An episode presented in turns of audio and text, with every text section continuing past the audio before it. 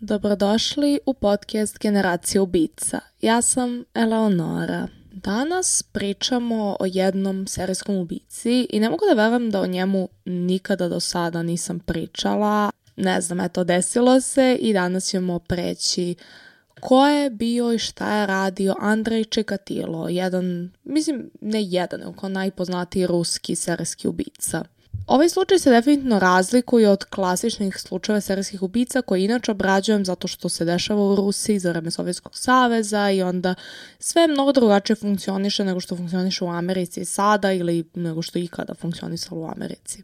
Neću vas nikako uvoditi u priču, samo ću uskočiti u njegove zločine, pričat ćemo o njegovom detinstvu i tome kako je on nastao ono što jeste. Bilo je kasno popodne 22. decembra 1978. godine u malom rudarskom gradu Šahti na jugu Rusije. Svetlana Gurenkova sedala i čekala da je tramvaj odveze kući. Dok je čekala na hladnoći, pažnju je privukla punačka mlada devojka koja je stajala na maloj udaljenosti od nje. Devojčica koja je imala više od 10 godina nosila je prepoznatljiv crveni kaput sa kapuljačom koja je na sebi imala crno krzno. Kao dalju zaštitu od hladnoće nosila je brown kapu od zečije krzna i vuneni šal. Svetlaninu pažnju nije privukla toliko devojčice ili njena odeća, već muškarac sa kojim je ona bila. Bio je to visok, sedokos čovek 40 godina, nosio je dugi crni kaput i torbu za kupovinu. Čovek je imao dugačko lice i nos i nosio je velike naočare. Njoj nije bio sumnjiv njegov izgled, već način na koji je ovaj muškarac gledao ovu devojčicu i šaputao joj. Činilo se da ga devojčica ne poznaje, ali ipak delovala zainteresovano za ono što imao da kaže. Nešto kasnije čovjek je otišao. Devojčica je nastavila za njim ubrzo nakon toga, izgledala je srećna i zadovoljna. Dok ih je Svetlana posmatrala kako se udaljavaju, stigao je njen tramvaj i ona ih je izgubila iz vida. Devojčica se zvala Lena Zakotnova. Bistra, srećna, devetogodišnjakinja koja je bila na putu kući iz škole kada je srala čoveka na stanicu za trolejbuse. Kasnije je rekla školskom drugaru da će možda dobiti neku vezanu žvaku od finog starca kojeg je upoznala. Možda je to navelo da ode sa čovekom u njegovu tajnu kuću u malu oronulu kolibu na kratkoj šetnji od stajališta za trolejbuse. Ubrzo nakon što je stigao na odredište tu kolibu, muškarac je otključao vrata, upalio svetlo pre nego što je uveo devojčicu unutra, zaključavši vrata za sobom. Kada je ušao, muškarac nije gubio vreme da je gurne na pod i skine joj kaput i odeću. Dok je počeo da vrišti, on je pritisnuo podlakticu preko njenog grla i naslonio se svom težinom tela na nju dok se nije smirila. Oči su još bile otvorene pa je povezao oči svojim šalom pre nego što je pokušao da je zlostavlja. U nemogućnosti da postigne erekciju počeo je da je napada i shvatio da ga ovaj napad stimulisao kao nikada ranije. Dok je nastavio sa napadom, devojčica je počela da se migulji ispod njega boreći se da udahne kroz oštećeno grlo. Zabrinuta da će ga devojčica prijaviti za ono što je uradio, izvadio je nož i uboje tri puta u stomak. Kako je mirno ležalo, čovek je pokupio njeno telo i stvari i napustio kuću. Uputivši se preko prazne parcele do reke Gruševke u žurbi da ode, nije primetio dve stvari. Krv njegove žrtve koja je kapnula na prag kuće, kao i svetlost koju je ostavio da gore, to je ostavio svetlo upaljeno. Kada je stigao do reke, Bacio je njeno telo u ledenu vodu i posmatrao kako nestaje nizvodno. Bacivši za njom školsku torbu, okrenuo se i krenuo kući, ne slutići da je devojčica još živa. Sledećeg dana, nakon što je Lenino telo otkriveno kako pluta rekom, Svetlana Gurenkova je rekla policiji na mesto događaja da je videla de devojčicu na tramvajskoj stanici sa visokim mršavim sredovečnim muškarcem koji je nosio naočare i crni kaput. Pozvan je policijski umetnik i pripremljena je skica čoveka. Kasne iste večeri policija uhapsila je meštanina Aleksandra Kravčenka e, koji je prethodno uslužio šest godina od desetogodišnje zatvorske kazne zbog e, seksualnog zlostavljanja i ubistva 17-godišnje devojčice 1980. godine. Uhapšen Kravčenko je imao 25 godina i nikada nije nosio naočare. Znači on je e, zlostavljao i ubio devojku, devojčicu i proveo u zatvoru samo šest godina. Pušten je on slobodno da ponovo uhapšen, iako se uopšte nije uklapao u skicu osobe koja je napala ovu devojčicu, oni samo pretpostavili da je on taj koji je kriv. Dok je Kravčensko ispitivan skica usumničeno koju je opisala uh, Gurenkova, kružila je gradom. Jedan čovek kome je to pokazano bio je direktor lokalne rudarske škole, pošto je pažljivo pogledao crtež, rekao je policiji da veoma podsjeća na jednog od njihovih učitelja, Andreja Čikatila. Policija ga upozorila da nikome ne govori da je izvršio identifikaciju. Kasnije, dok su druga dva detektiva pretraživala ulice koji su se graničale sa rekom, pronašli su e, osadke krvi na stepenicama male kolibe. Takođe su primetili da je unutrašnje svetlo ostavljeno upaljeno. Raspitali su se po komšiluku, saznali da um, ova koliba pripada Andreju Čekatilo. Policija ga je pozvala na ispitivanje, ali ga je ubrzo pustila kada je njegova supruga potvrdila njegovu priču da je celo veče bio kod kuće sa njom. Iako su dokazi protiv Čikatila bili jaki, policija je e, Kravčenka smatrala održivim osumnjičenim i na kraju uspela da od njega dobije priznanje.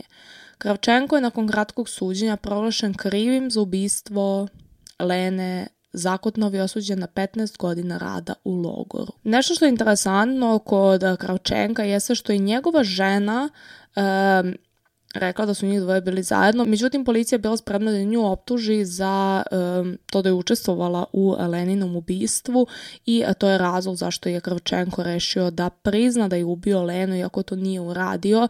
Kao što sam rekla, on je dobio 15 godina e, zatvora, međutim porodica nije bila zadovoljna, želi su da on dobije grublju kaznu zbog ubistva koje je počinio. Tako da je Kravčenko dobio smrtnu kaznu. U vreme kada je kazna izvršena 1984. godine preko desetina žena i dece postale žrtva pravog serijskog ubice.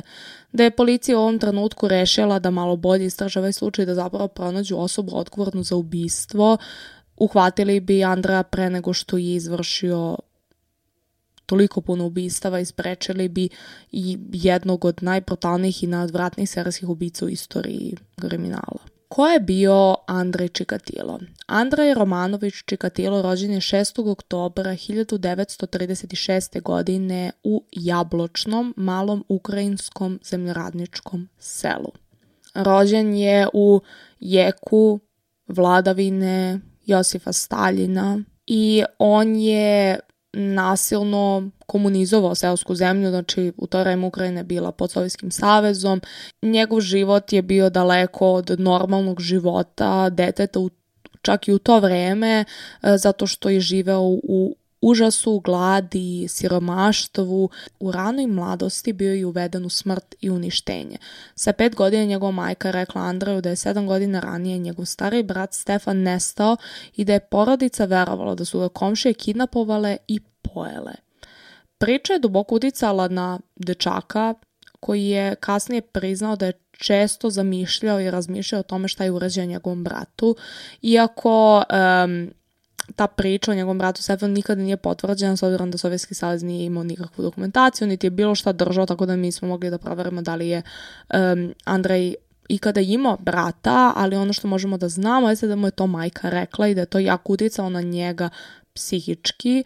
On je odrastao u strašnom siromaštvu i gladi. Njegova porodica nije imala hrane uopšte i um, nešto što bi on često radio se da bi jeo um, delove drveta, lišće, grančice, šta god bi mogao da pronađe, zato što sve zašto njegova porodica radila kao zemljoradnici um, nije ostalo njima. Znači, sve što su z, napravili bi išlo nazad Sovjetskom savezu. Znači, ne bi dobili apsolutno ništa. Nisu mogli da uzgaju sobstvenu hranu um, i imali su jako malo hrane koju su imali. Andrej je bio toliko neuhranjen e, da je to definitivno uticalo na njegovo razvijanje i kroz neka različite izraživanja može se saznati da e, gladovanje može da izazove problema u razvijanju mozga deteta, zato što ako dete ne dobije sve nutrijente i sve što mu je neophodno e, kako bi se telo normalno razvilo, normalno je da se telo normalno neće razviti, a u godinama kada je Andrej bio u najgoroj situaciji siromaštva i uh, gladi, uglavnom sva energija i sva hrana koju dete jede ide na razvijanje mozga. Znači mozak se najviše razvija u tim godinama i e, pretpostavka jeste da njegov mozak zapravo nikada nije razvijen kako treba i da se nikada nije razvio zbog toga što e, je bio izgladnjivan celog svog detinstva i takođe traumu koju je preživljavao živeti u takvom okruženju i živeti kroz ceo drugi svetski rat i mislim sve to utiče na razvitak deteta. Kada je izbio drugi svetski rat, Čikatilov otac Roman je regrutovan u vojsku, zarobljen od Nemaca, vratio se kući tek posle rata kada ga je staljinistički režim označio kao izdajnika jer je dopustio da bude uhvaćen. Iako je Andra imao samo 10 godina kada se njegov otac vratio, on je već bio pobožni komunista i otvoreno je kritikovao oca zbog njegove izdaje. Od početka Andra je bio učeno dete koje više vremena provodilo čitajući nego igrajući se sa prijateljima, Posebno su ga privlačile sve knjige o ruskim partizanima koji su se borili protiv Nemaca. Jedan je posebno pričao o tome kako su partizani uhvatili nekoliko nemačkih zarobljenika i odveli ih u šumu i mučili. Zbog svog tihog ponašanja i gotovo ženstvenog držanja, Čikatilo je imao malo prijatelja i stalno su ga zadrkivali. Bio je izuzetno gratkovit, ali je odbio da prizna da su mu potrebne naočare. Prošlo bi skoro 20 godina pre nego što je stavio svoje prve naočare. Još jedna činjenica koju se veoma trudio da sakrije jeste da je hronično mokrio u krevetu. Imao je taj veliki problem.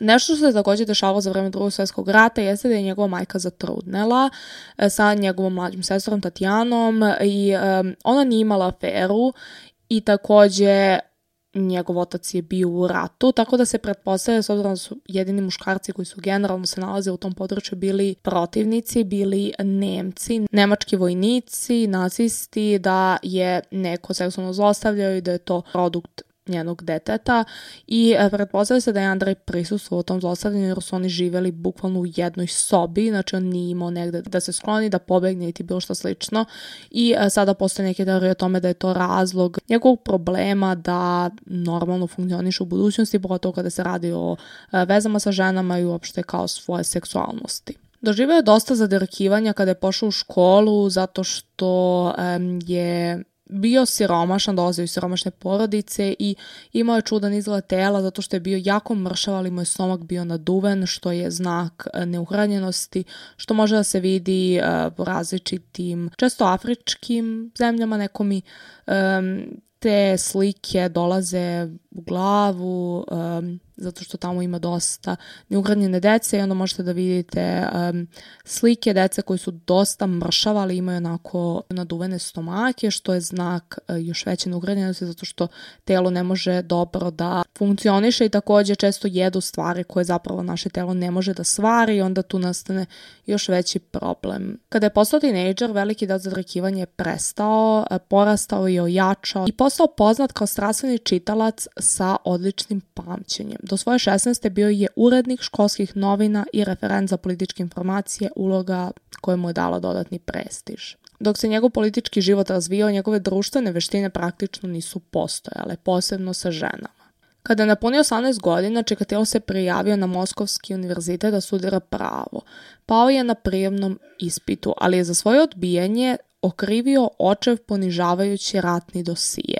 Nije verovao da bi univerzitet mogao njega da odbije, već je verovao da su ga odbili samo zbog toga što je njegov otac uradio u ratu. Kako je sazrevao, postoje samopouzdaniji sa ženama, ali To baš nije išlo dobro, zato što je imao par pokušaja da spava sa ženama, što je prošlo loše, zato što nije mogao da postigne erekciju. Kao što sam ranije pomenula, to je bio njegov veliki problem. Bio je uveren da je potentan i postao je obsednut time. Nešto kasnije, dok je bio na državnoj službi, pokušao je da um, spava sa ženom koja nije bila zainteresovana, tako da je pokušao da je zlostavlja. Dok se žena borila, Čikatilo je savladavao i nakon toga je pustio i shvatio da je dostigao svoj vrhunac, da tako kažem, i otkrio je da su e, strah i nasilje ono što ga zapravo uzbuđuje i ono što mu pomaže da postigne to što mu je bio cilj. Nekoliko godina nakon što je oslužio državnu službu, preselio se u Rusiju u potrazi za poslom.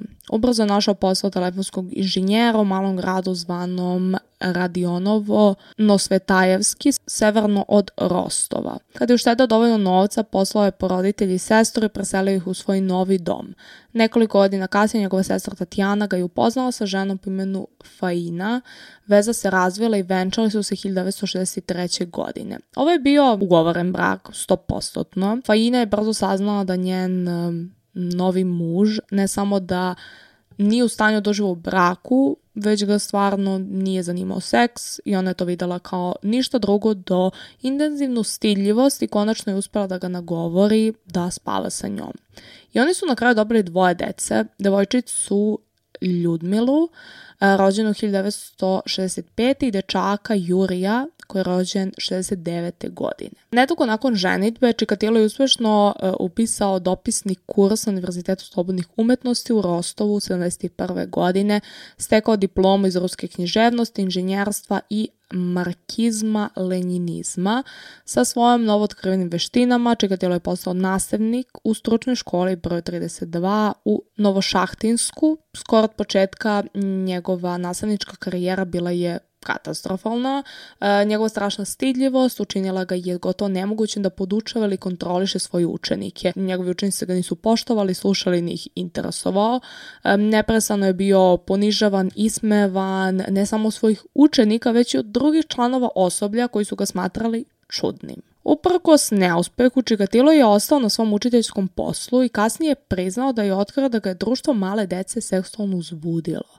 I u narednim godinama ono što je počelo kao običan vojerizam izvan školskih toaleta izrodilo se u neprestojne napade na učenike i učenice. Kada su roditelji počeli da se žale, zato što su njihove deca dolazila kući i pričala im šta je njihov učitelj radio, Čikatilo je bio primoran da podnese ostavku i pređe u drugu školu. On je bio optužen za zlostavljanje i dobio ponovo posao učitelja. U sledećoj školi on je radio, školi koja je bila škola i ujedno kao internat, ne kao dom, neka deca su spavala u školi i Čikatilo je stavljen da vodi dečački dom. Kao i obično, učenici su ga ignorisali ili su ga otvoreno zadirekivali nekoliko meseci kasnije nakon što je uhvaćen u pokušaju da ubije usnulog dečaka, napalo ga i pretuklo nekoliko učenika viših razreda. Od tog trenutka Čekatilo je nosio nož. Ni u jednom trenutku nije prijavljen nadležnim organima, možda zato što je pod tadašnjim sovjetskim režimom indiskrecija jednog nastavnika mogla da se odrazi na ceo, na celo školu na ceo okrug. 78. godine Čekatilo je preselio porodicu u šahti, ubrzo je kupio kolibu pored reke i namamio svoju prvu žrtvu. Nakon što je oslobođen ubistva Lene Zakotnove, ubistvu kojem sam pričao u startu podcasta, Andrej je shvatio da je kao toliko moćan da niko ne bi mogao nikada da ga provali i njegov ego je porastao previše. On je nastavio da predaje u školi sve dok nije postao tehnološki višak 81. godine u nemogućnosti da dobije drugi profesorski posao. Zaposlio se kao službenik za snabdevanje u Rostovnerud, lokalnom industrijskom kompleksu. Posao je podrazumevao putovanje u druge delove zemlje radi lociranja i kupovine zalihe za fabriku i otvore da mu period odsustva od kuće daju dovoljno vremena da traži nove žrtve. Šest meseci kasnije ponovo je ubio.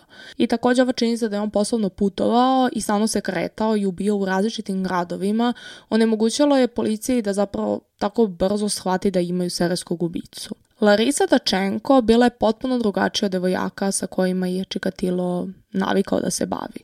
Sa 17 godina bila je starija od ostalih i takođe je bila seksualno iskusna. Odbegla iz internata, Larisa je srela svog ubicu na autobuskoj stanici ispred javne biblioteke u Rostovu.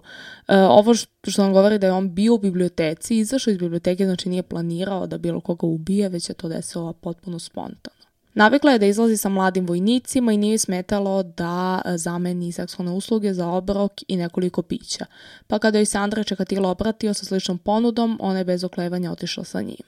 Odveo je napušteni deo šume i ne mogavši da se obuzda, počeo je da i cepa odeću.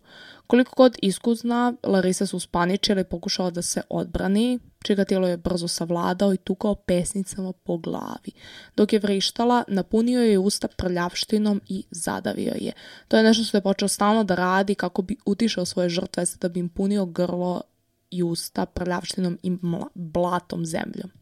Nakon što je ubio, odrezao je jednu bradavicu i kasnije rekao policiji da je plesao od radosti oko njenog tela. Zakupio je grane kako bi sakrio njeno telo i odeću. Njeno telo pronađeno je sutradan. On se nikada nije zapravo trudio da sakrije svoje tragove, da sakrije telo, niti da sakrije e, šta je radio svojim žrtvama. Takođe na telu je bilo tragovanje njegove DNK, zato što šta je radio nakon što je i dok je ubijao, jasno vam je zašto je bilo njegove DNK na njenom telu. Čikatilo je bio ushićen, dok ga je njegova prva žrtva ostavila frustriranog i zbunjenog, druga mu je dala apetit koji je teško mogao zadovoljiti. U junu 1982. dok je bio na drugom poslovnom putu u gradu Zaplavskaja, ubio je 13-godišnju Ljubu Birjuk nakon što je pratio s autobuske stanice. Nakon neuspelog pokušaja seksualnog zlostavljanja, Izvadio je nož i više puta je ubao, uključujući nekoliko rana na njenim očima. Ono što bi on radio svaki put jeste da bi pokušao da seksualno zlostavlja žrtvu, ali kada ne bi uspeo u tome, iznervirao bi se i onda hranuo da ih bode nožem, kako bi sebi doveo to uzbuđenje i naravno na kraju ih ubio. Njeno telo pronađeno je dve nedelje kasnije i zbog toga što je bilo toplo, leto, gotovo kostor, nije bilo nekih sada tragova koji su pronašli na telu. Tokom sledeće godine Čekatilo je ubio još šest žrtava, jednu u julu, dve u septembru i jednu u decembru. Najnovije ubistvo su bila malo drugačija. Dve žrtve su bili mladići, što je izazvalo veliku zapunu u istražnoj policiji, gotovo bez iskustva u serijskim ubistvima i sudeći pod režimom koji je odbio da prizna da su takvi zločini mogući u Sovjetskom savezu, policija je počela da traži dva odvojena prestupnika. Oni su odbijali da serijske ubice postoje kod njih. Kao to je stvar zapada, to ima u Americi, toga kod nas nema. I to me podsjeća malo i na naš mentalitet, jer mislim da tako to i kod nas funkcioniše kada se nešto dešava u Americi ili kao na zapadu, ono, to je kao to se dešava kod njih, to se kod nas nikada ne bi desilo, dok se ne desi kod nas što smo imali s tim iskustava sada, mislim, ove godine. Ono što je dodatno zbunilo, pitanje je da su dve žrtve ubijene izvan oblasti Rostova, iako su mesta zločina i način smrti bili zapanjujuće slični, nikakve veze nisu utvrđene. Nešto nisam napomenula kod prethodne žrtve o kojoj sam pričala um, jeste to da je izbunjene oči. To je nešto što je on radio zato što je verovao da postoji neka izreka na ruskom koja nešto znači kao da oči se vide. Verovao je da posljedna stvar koju ljudi vide pre nego što umre ostane kao neka slika u njihovoj glavi urezana i on je verovao da kada se pronađu tela njegovih žrtava, istražitelji, doktori, uh, patolozi mogu da zapravo vide šta je osoba videla pre smrti, jer stvarno verovao da oči to nekako upamte i da to posle može da se vidi i onda je kod svojih prvih žrtava vadio oči ili ih uništavao kako policija ne bi saznala da je on taj koji ih je ubijao i kada je shvatio da to nije istina, onda je presao to da radi. Nakon što je u decembru bio još jednu desetogodišnju devojčicu, Čikatilo nije ubio još šest meseci. Njegova sledeća žrtva bila je Laura Sarksjan, 15-godišnja jermenka, čije telo nije pronađeno sve dok godinama kasnije Čikatilo nije priznao i uputio policiju njen grob.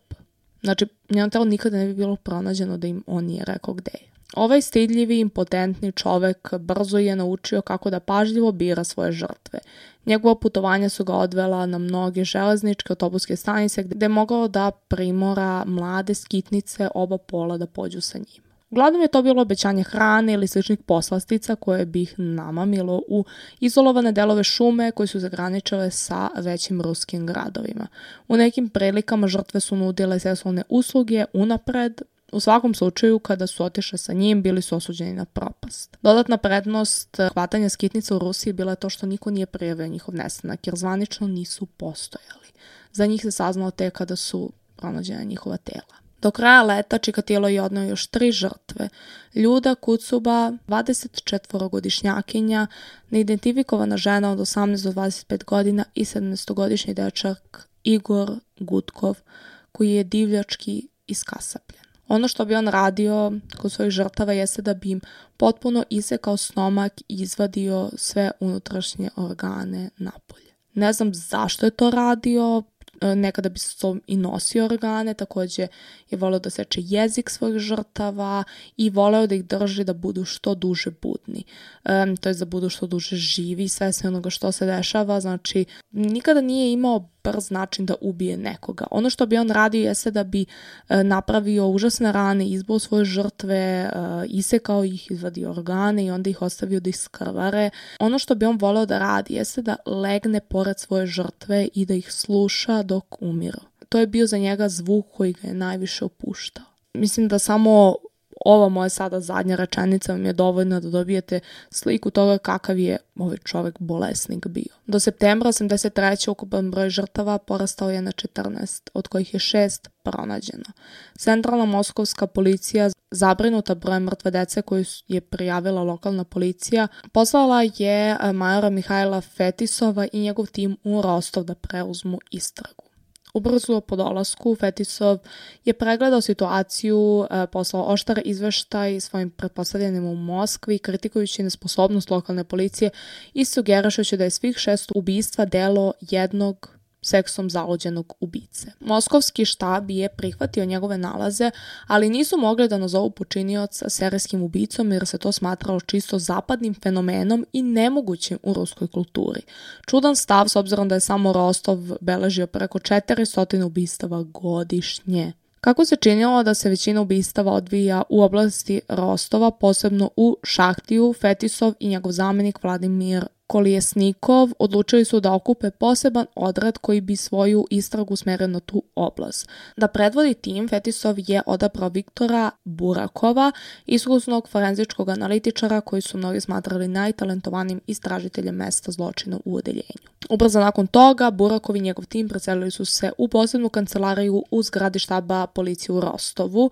U e, skladu sa sovjetskom birokratijom, nova podjedinica dobila je naziv Odsek za posebno teške zločine zločine, pošto je većina tela pronađena u šumama slučaj nezvanično poznat kao lesopulosa ili ubistvo u šumskom pojasu. Verujući da je osoba odgovorna za ubistva nenormalna, tim je počeo da pretražuje evidenciju mentalnih bolnica, tražeći svakoga čiji obrazci ponašanje istorije ukazuju na sklonost kod zločinima koji uključuju seks i nasilje. Krivična evidencija je takođe proverena da li postoji poznati seksualni presupnici ili neko koji je ispitan u vezi sa sličnim krivičnim delima u prošlosti. Nadali su se da će pronaći nekog mentalnog bolesnika koji bi bio sposoban da počine ovako ubistvo, jer mi je to bilo najlogičnije kao da je to bio neki mentalni uh, bolesnik koji bi počinio ovako nešto. Zadatak je bio dug i mukotrpan jer je svaka osoba koja je odgovarala kriterijuma morala da bude intervjuisana, da se provere njihovo kretanje u vreme prekršaja da se uzmu uzorci krvi radi podudaranja. Uzorci sperme uzeti od žrtava pokazali su da ubica ima tip krvi AB.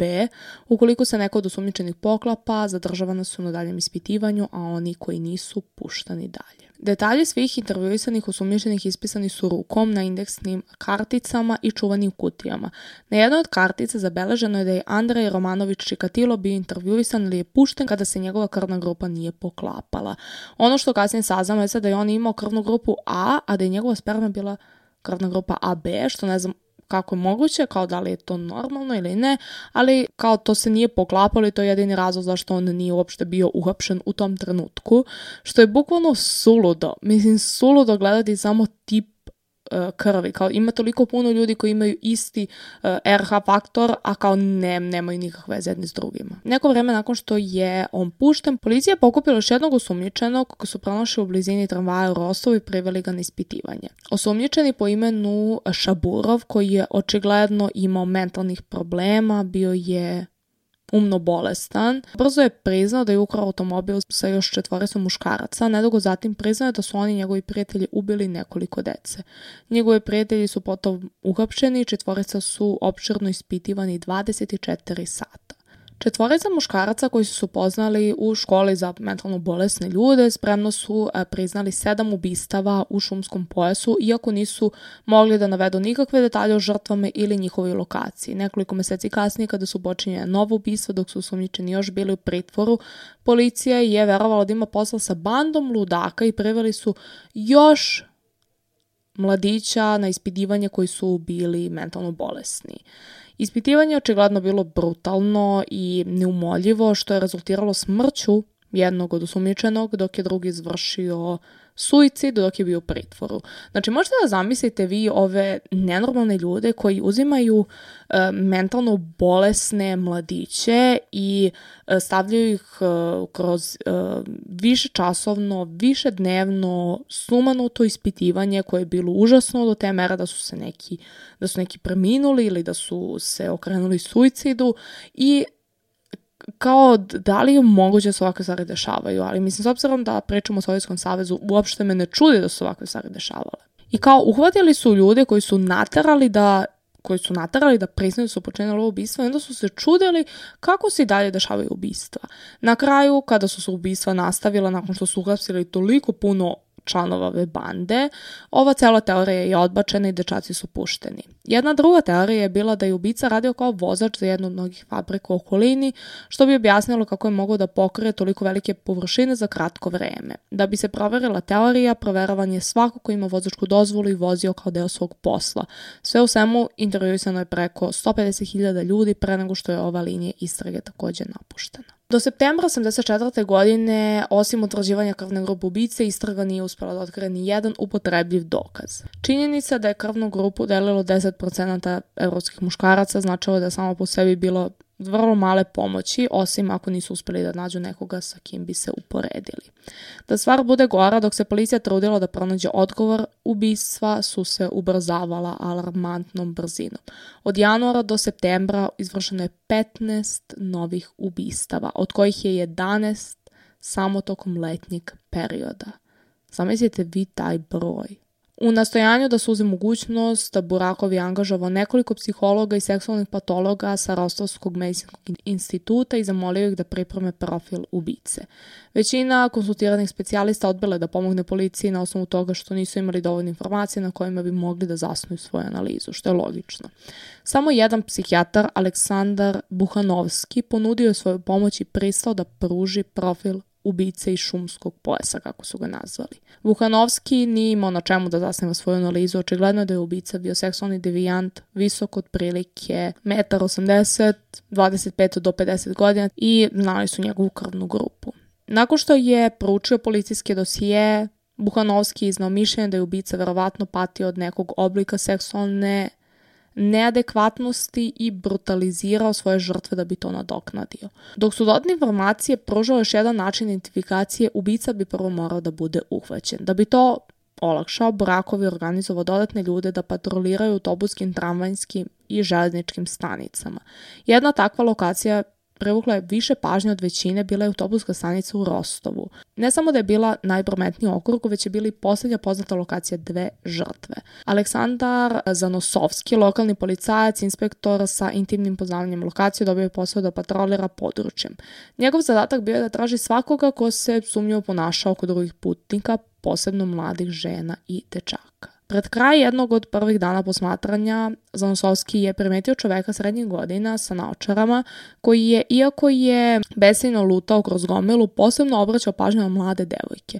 Nakon što je neko vreme posmatrao čoveka, pričao mu i zatražio njegove lične isprave. Čovek je delovao nervozno kada mu je prišao i rekao inspektoru da je bio na služenom putu i da je na putu kući.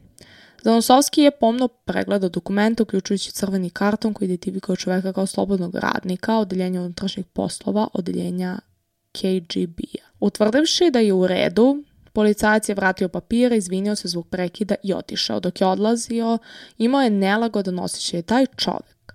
Andrej Čikatilo nešto.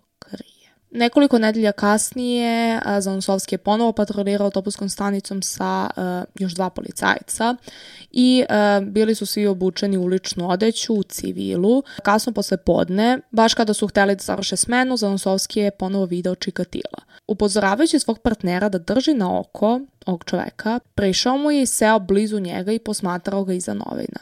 Kada se Čikotilo pomerio, Znansovski i njegov partner su ga pratili. Nekoliko sati su pratili Čikotilo dok je ulazio nekoliko autobusa koji su putovali po okrugu pre nego što se vratio na autobusku stanicu. Dok su gledali, Čikatilo je prilazio ženama različitih godina i pokušavao da se uključi u njihov razgovor. Često je bio odbijan, ali je neuznemiren nastavio da prilazi drugima. Potara se nastavila ka restoranima, barovima i nazad u stanice. Čikatilo je čitavim putem činilo se imao samo jednu na umu, da razgovara sa ženama. U jednom trenutku se udobno smesti u stolicu i zadarama od dva sata. Kada se probudio, nastavio sa svojim prethodnim aktivnostima, policija ga je sve vreme pratila. Nešto kasnije jedna mlada žena sela pored njega i upustila se u razgovor. Činilo se da je razgovor dobro prošao, ubrzo nakon toga Čikatilo je zagrlio ženu. Konačno je položila glavu u njegovo krilo i on je zavukao ruku u njenu bluzu. Devojka koja je delovala alkoholisano nije se protivila. Činilo se da je Čikatilo podcrveneo od uzbuđenja.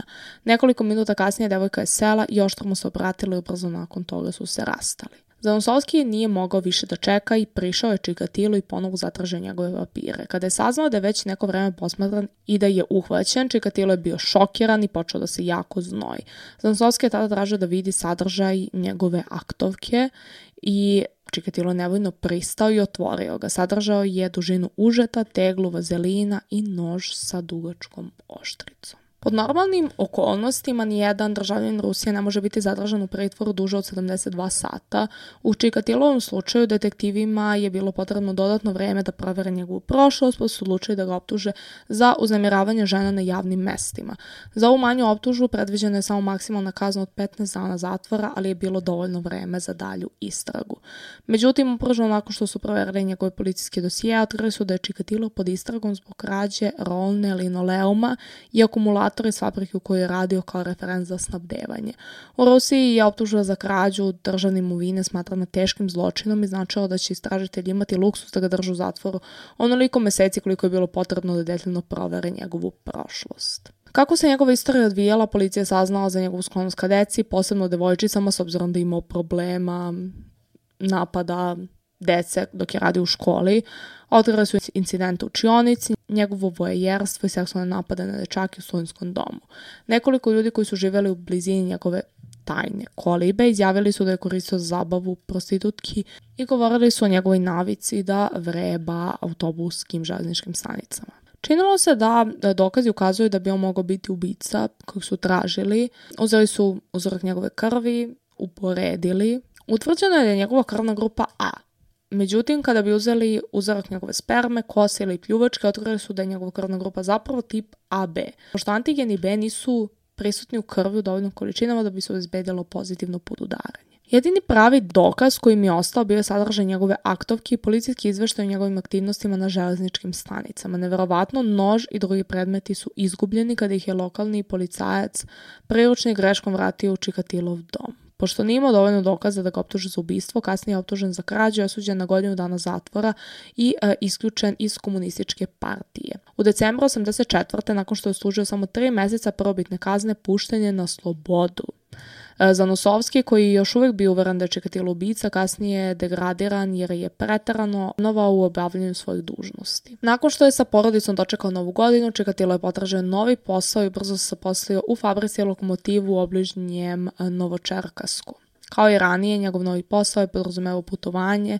Veći deo godine Čekatilo se uzdržavao do ubijanja, tek na službenom putu u Moskvi on se predao svojim željama.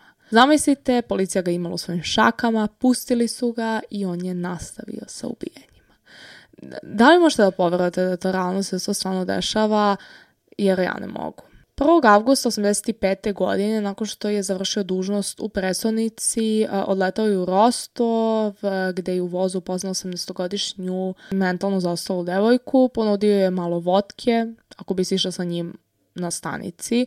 Ona se složila i pratila ga u šumu blizu pruge. Ubrzo nakon toga ležala je mrtva sa 38 ubodnih rana. Čikatilo je završio put i otišao kući. Kasnije istog meseca po povratku sreo mladu devojku na autobuskoj stanici u šahti u kojemu je rekla da nema gde da spava.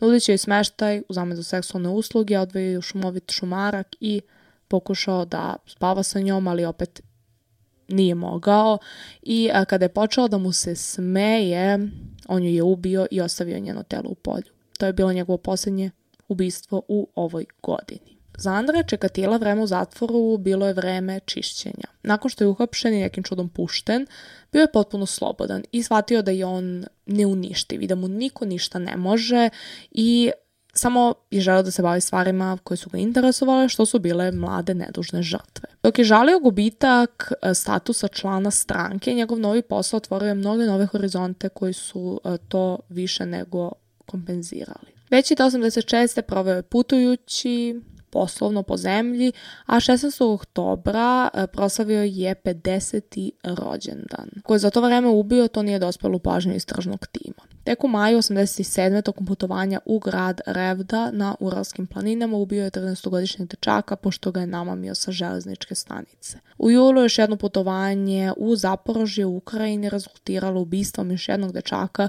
za kojim je otišao u šumu. Napad je bio toliko brutalan da mu se odlomio deo oštrice noža i policija ga je kasnije pronašla na licu mesta. Sledeće putovanje u Leningrad u septembru rezultiralo je smrću još jednog dečaka. Prosto mi je srce parajuće čitati ubistvima koja se desila nakon što ga je policija imala. Kao imali ste ga i pustili ste ga da, da se vrati nazad kući. Nakon ovoga njegovo ubistva su postala toliko brutalna. Mislim, njegova ubistva su uvek bila brutalna. Čini mi se da pri kraju, kao nakon ovog hapšenja, je postao još gore zato što je shvatio kao da je neuništiv. Ako ga policija sada nije uhvatila, kako će ga ikada više uhvatiti? Dok je Čikatilo nastavio da putuje i ubija, policijska istraga je uzimala maha.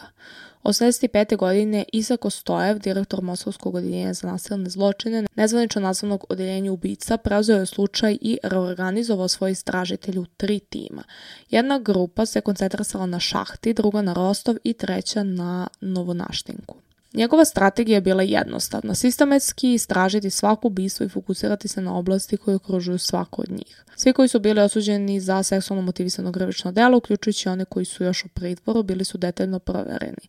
Svi poznati homoseksualci su sakupljeni i detaljno ispitani. Od seksualnih patologa zatraženo je da dostave spiskove svojih pacijenata za pregled, kao i kliničari za venerične bolesti. Svi železničari, bili civilni ili vojni, bili su detaljno provereni da li postoje razlike u njihovim radnim navikama i kretanju. Svaki klub u tri okruga stavljeni su pod nadzor u nadi da će ubica redovno patronizovati jednog ili više njih. Stojev je rešio da kazni pronađe ovog ubicu, čak i do te mere da istraže sve bivše policajce koji su optuženi zbog nedoličnih radnji. Kako su godine prolazile, istražitelji su prikuvljali dovoljno informacija da odvoje ubistva u šumskom pojasu od hiljade drugih sličnih događaja. Polako, ali sigurno stizali su izveštaje o dodatnim ubistvima u okolnim oblastima. Dva takva ubistva čak iz Tašknera, glavnog grada Uzbekistana. Prvobitno, e, taškenska policija nije htjela da se uključi jednu od žrtava jer e, je telo bilo toliko nakaženo da su mislili da je pregazila mašina za žetvu. Zamislite vi koliko je to, koliko je to nivo brutalnosti. Do decembra 1985. Burakov i Kustojev su organizovali da svi vodi u tri okruga patroliraju od strane policije u civilu i druženja, kako se zvala um, dobrovoljna policija. Njihova uputstva su bila da zaustavi provere dokumenta svakoga koji izgleda sumnjivo. Osim toga, e, vojni helikopteri su korišćeni za patroliranje železničkih pruga i okolnim šumama iz vazduha. Ova pojačana kontrola je možda bila razlog zašto je Čikatilo prekinuo svoje aktivnosti skoro dve godine. Što god je bio razlog, istražitelji su se kasnije posramili kada su saznali da je sam Čikatilo u svojstvu slobodnog poslodavca MUPA e, pomogao policiji da patrolira vozovima koje traže ubicu. Naoružani sa znanjem da istraga bila usresređena samo tri oblasti, on je nastavio da ubija u oblastima koje su udaljene od njih. On je bukvalno učestvovao u potrazi za sobom. I znao je tačno šta policija gleda i gde traži, onda išao i ubijao van oblasti koje su oni tražili. U aprilu 1988. Čikatilo je ponovo ubio. Njegova žrtva bila je 30-godišnja žena koja je sreo u prigradskom vozu u blizini grada Krasni Sulin gde je posledno posao sa lokalnom fabrikom metala. Nakon što je namio na prazan prostor da bi spavali zajedno, on je više puta ubao nožem i unakazio njen leš. Kada je njeno telo pronađeno početkom aprila, jedan otisak cipele bio je jasan, jasno očigledan pored njenog tela. Tokom sledeće godine Čikatilo je ubio još osam puta. Napadi su se obično rešavali dok je poslovno putovao po zemlji, ali jedan poseban zločin dogadio se u stanu njegove čerke u Šahtiju. Bio je prazan kako se čerka razvala od muža i vratila se roditeljima. Nakon što je Čikatilo namamio 16-godišnju Tatjanu Rižovu unutra, dao je vodku i zaveo je. Nakon što je ubao nožem i povredio njeno telo, shvatio je da ne može da ostavi njeno telo u kući. Uzevši kuhinski nož, Udrubio je glavu i ocekao je noge pre nego što je umotao u krpe i odevne predmete. Zatim je njene ostatke vezao za sanke komšenice i vukao ostatke ulicama do mesta gde je bacio njene delove tela. Još jedna žrtva je ubijena dok je Čikatilo bio na putu na očevu rođendarsku zabavu. Videvši 19-godišnju Jelenu Vargu na autobuskoj stanici ponudio da je otprati kući, ali umjesto toga namamio šumu i izbo nožem.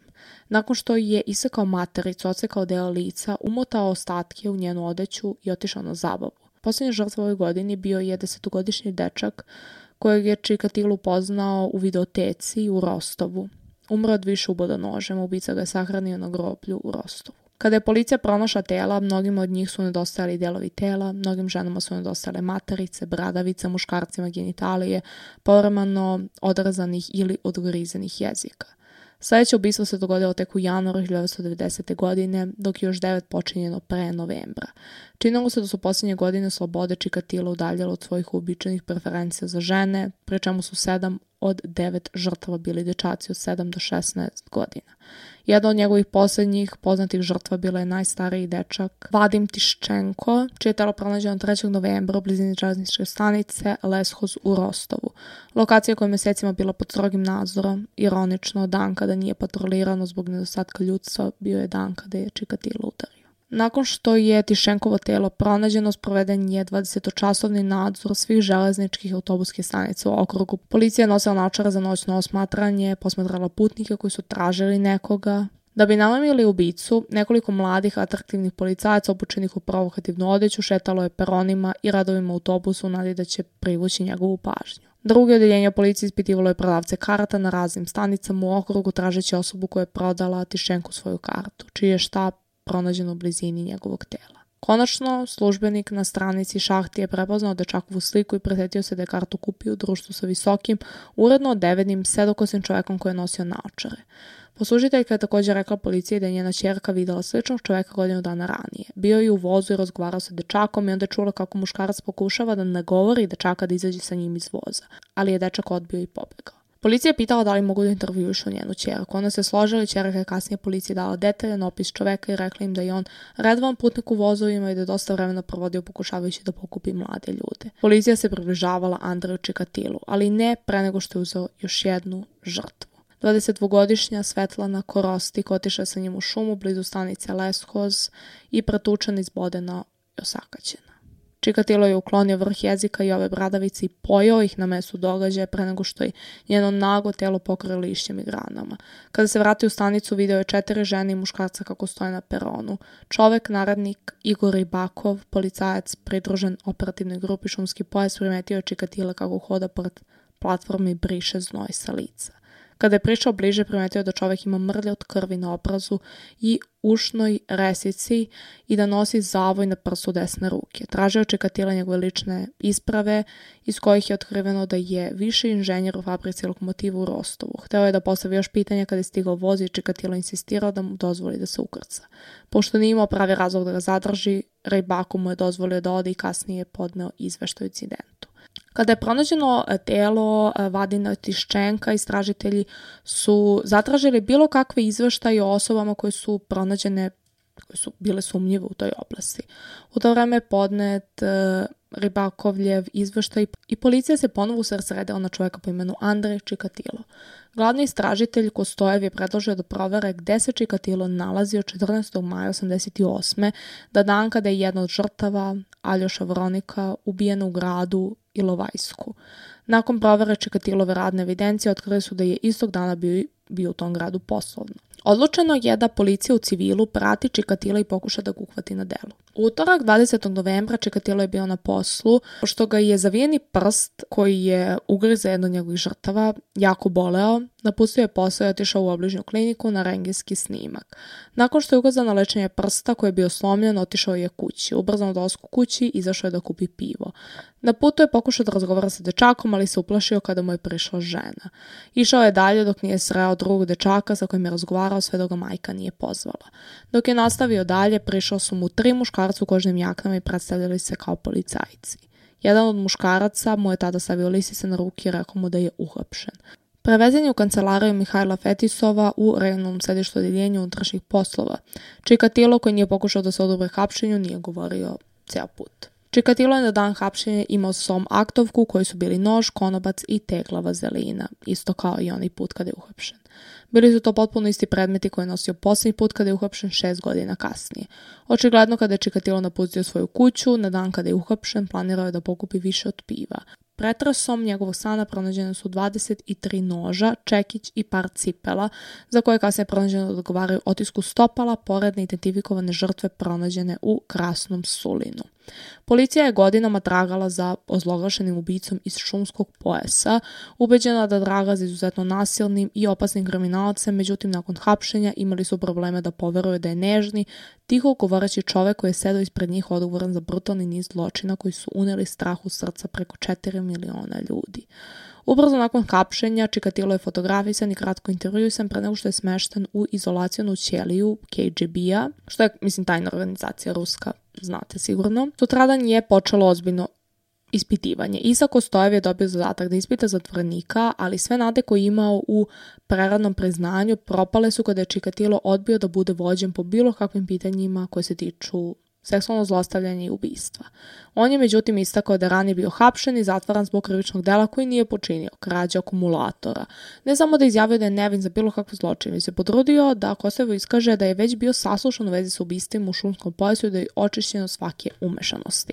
Nedelju dana nakon što ispitivanje počelo, Čikatilo je napisao pismo upućeno generalnom tužiocu Rusije u kojem je naveo.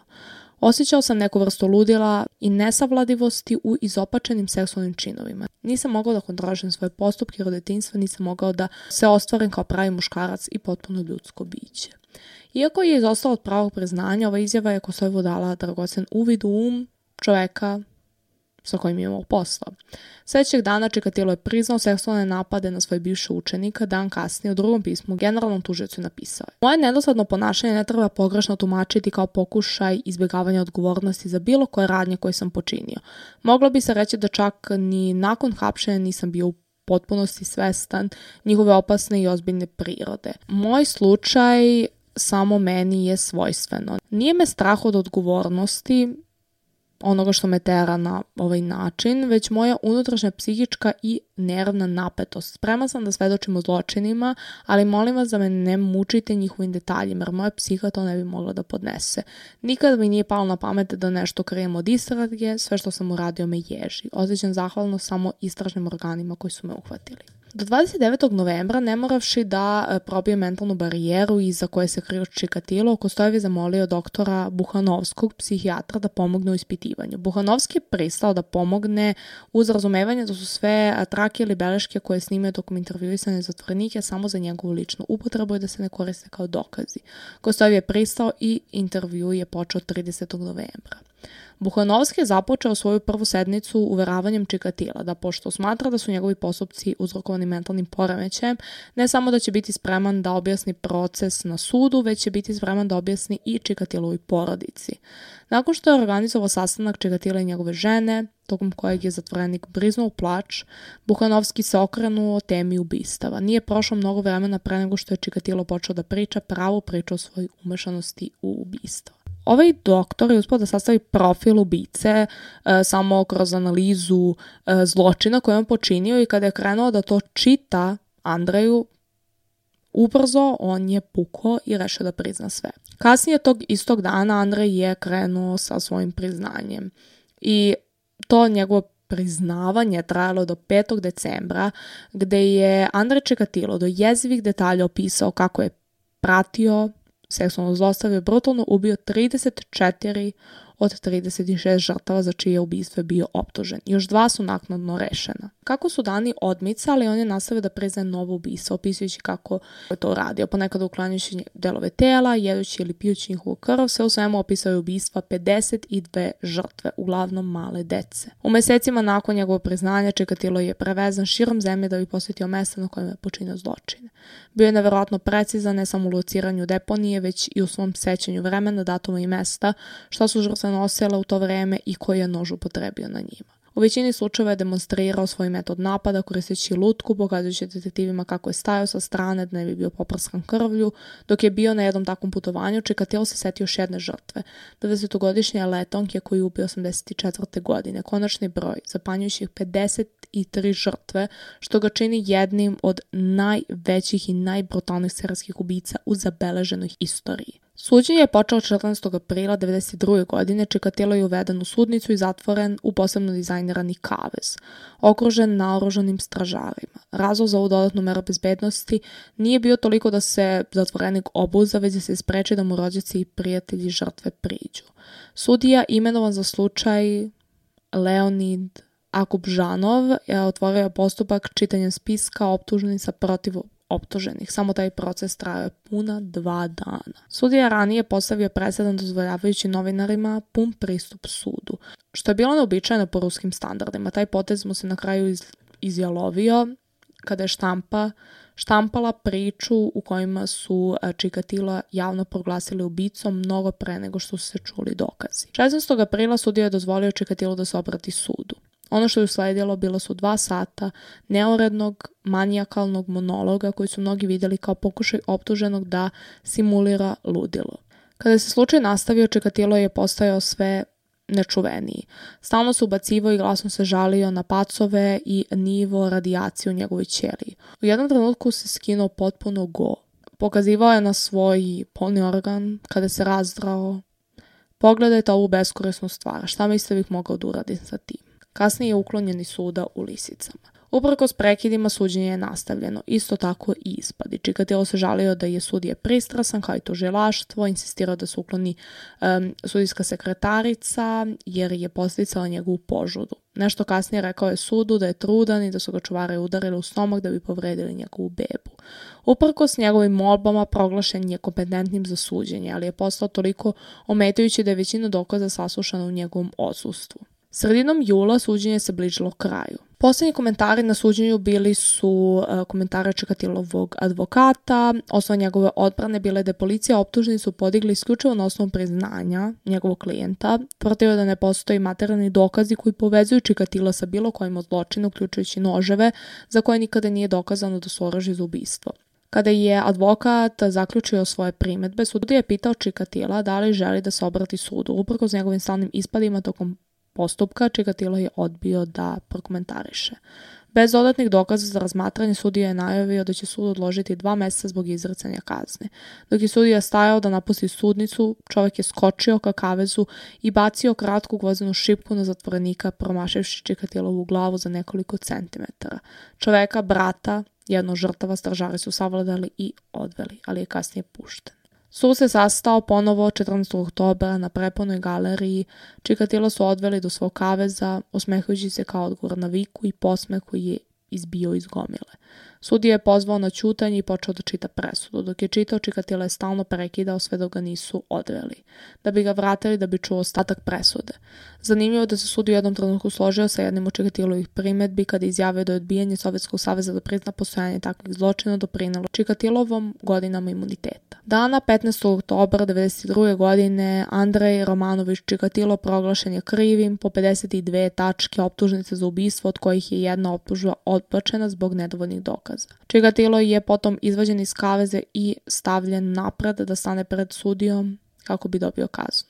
Pošto su izračene 52 pojedinačne smrtne kazne, publika je navijala za njihovo odobravanje. Poslednje reči suđenja izgovorio optuženi kada se okrenuo sudi i povikao. Prevara, neću da slušam vaše laži, pre nego što je nasilno uklonjen. 16 meseci kasnije, 14. februara 1994. Andrej Čegatilo, čovek koga nazivaju rostovski kasapin ili ruski Hannibal Lektor, pogubljen je jednim hicem u potiljak. I to je to što se tiče Andreja Čikatila.